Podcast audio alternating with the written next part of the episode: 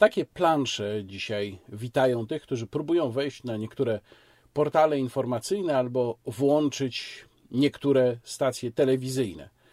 No, u mnie ta plansza tylko rozpoczyna kolejny wideoblog Express, bo cóż zrobić? Co prawda nie jest to moja ulubiona forma, jak Państwo wiedzą, wolę te swoje długie, pełnowymiarowe wideoblogi, ale po raz kolejny dzieje się coś, o czym jednak trzeba w krótkiej formie powiedzieć. Dłuższą analizę projektu ustawy o podatku od reklam znajdą Państwo w pełnowymiarowym wideoblogu, który, to już mogę zapowiedzieć, ukaże się albo w piątek, albo w sobotę, to w zależności od tego, ile czasu jeszcze zajmie mi przygotowanie go i tam zajmę się szczegółowymi rozwiązaniami, które są w tym projekcie ustawy, natomiast wszystkich Państwa przede wszystkim namawiam do tego, żeby jednak po projekt ustawy sięgnąć. Link do projektu ustawy znajdą Państwo w opisie tego filmu, bo jak się o czymś mówi, no to lepiej jest jednak sięgnąć do źródła i projekt ustawy przeczytać. Jak go Państwo przeczytają, to się Państwo zorientują, że nie jest to w żaden sposób e,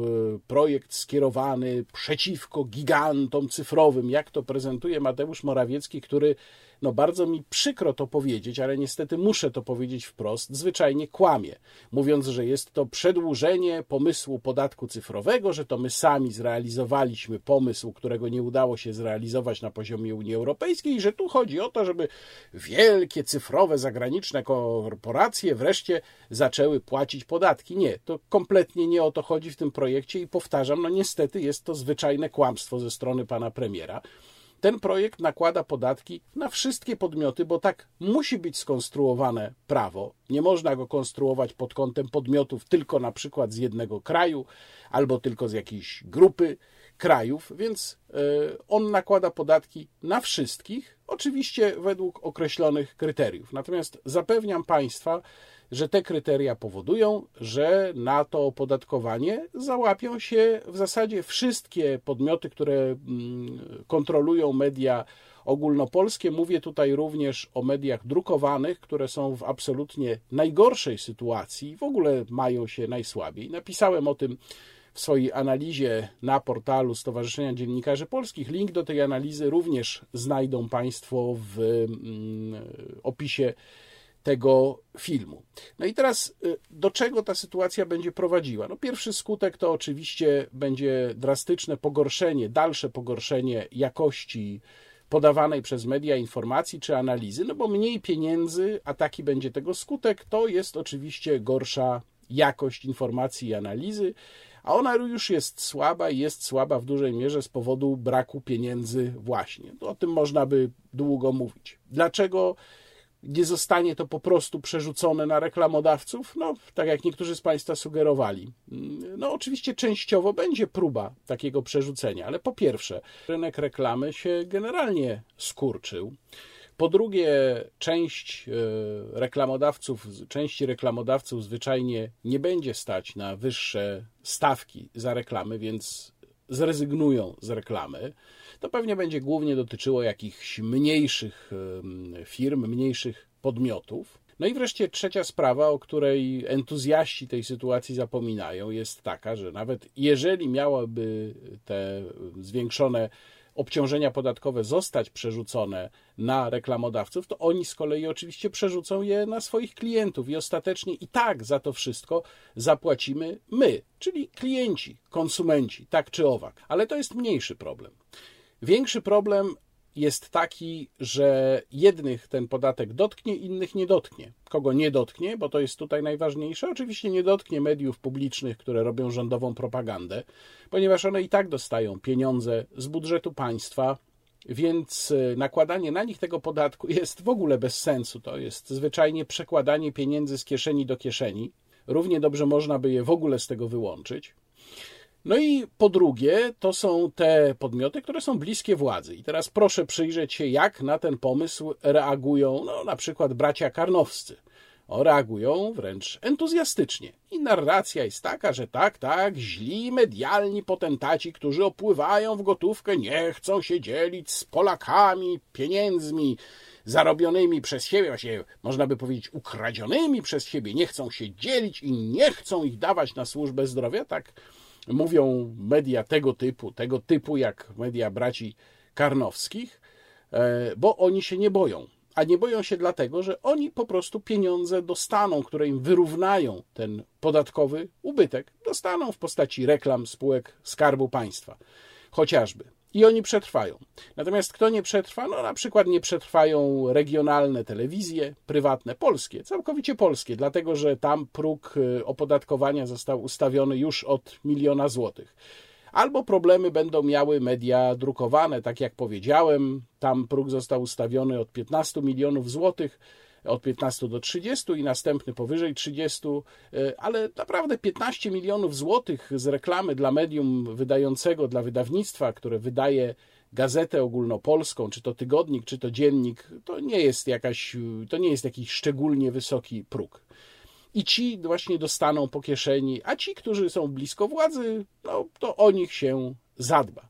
No i teraz przede wszystkim prowadzi mnie to do tej argumentacji, czy też tego nastawienia, z którym się spotkałem od rana dzisiaj, ze strony wielu osób, z którymi dzieli mnie i niechęć do wysokich podatków, i krytyczny stosunek do lockdownu i do niszczenia przedsiębiorców, i wszystko to, wszystkie te poglądy e, z tymi osobami dzielę, ale one teraz mówią: Nie żal mi tych mediów, bo one grały w jednej orkiestrze z mediami prorządowymi, no więc teraz niech mają. I to jest jednak moim zdaniem bardzo porażająca krótkowzroczność. Po pierwsze, tak, rzeczywiście przez długi czas była tutaj jednomyślność i ja sam napisałem o tym kilka tekstów. Jak Państwo sięgną na portal Stowarzyszenia Dziennikarzy Polskich i tam poszukają moich felietonów, to znajdą Państwo kilka, nawet nie jeden, w którym pisałem o tym, że te najważniejsze media, e, przede wszystkim elektroniczne, w zasadzie, przynajmniej w ciągu pierwszych iluś miesięcy trwania epidemii, grały do jednej bramki i w ogóle nie widziały problemu w lockdownie, w traktowaniu przedsiębiorców, w łamaniu prawa rozporządzeniami. Tak, to jest prawda. Tylko, że my teraz mówimy o sytuacji, która daleko poza to wykracza.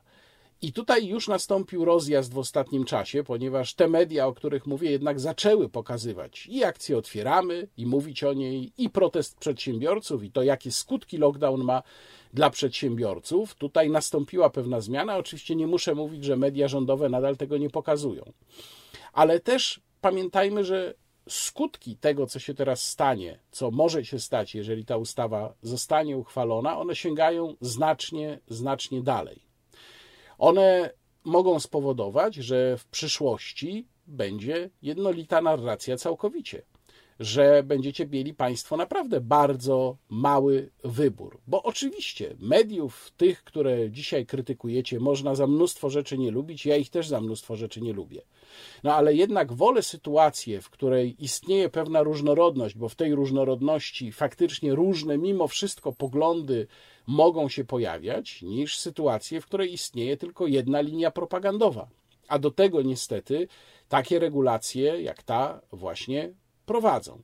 Pomijam tutaj wątek polityczny, o którym będę mówił w swoim dużym wideoblogu, to znaczy dlaczego Mateusz Morawiecki stworzył taki projekt, e, co chciał osiągnąć.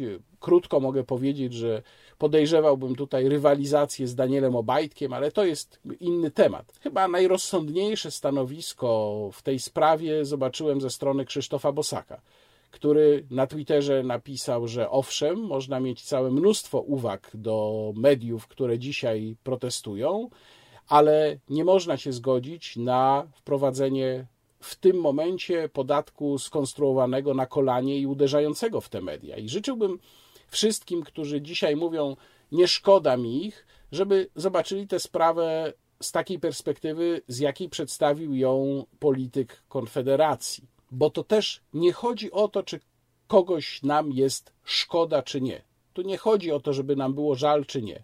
Odłóżmy te sentymenty na bok, bo tu nie chodzi o sentymenty. Tu chodzi o to, żebyśmy żyli w zrównoważonym otoczeniu medialnym. Nawet jeżeli założymy, że te media, owszem, milczały, kiedy podnoszono inne podatki, milczały przez długi czas, kiedy łamano prawo, wprowadzając ograniczenia rozporządzeniami, wszystko to wiemy, to jednak na tym świat się nie kończy. To jednak zawsze media opozycyjne są przede wszystkim od tego, żeby kontrolować władzę, i to jest ich rola. I to one robią, no lepiej, gorzej, ale jakoś tam robią. A teraz proszę sobie wyobrazić, że w ogóle ich nie ma. To byłaby jednak dosyć straszna sytuacja. No i pamiętajmy też, że podnoszenie podatków generalnie jest złe i że jeżeli raz już jakiś podatek się wprowadzi, to potem bardzo trudno wymóc na władzy, już nawet innej władzy, żeby go zniosła. A zatem warto wyjść w przypadku tego protestu i tej sprawy poza własne resentymenty, zobaczyć to z szerszej perspektywy i zastanowić się, czy nie lepiej jednak, nawet jeżeli się tych mediów nie ceni, nie lubi i uważa się, że one mają bardzo dużo za uszami, mimo wszystko stanąć w ich obronie, w tej akurat sytuacji. Do zobaczenia w wideoblogu pełnowymiarowym. Kłaniam się Państwu, Łukasz Warzecha.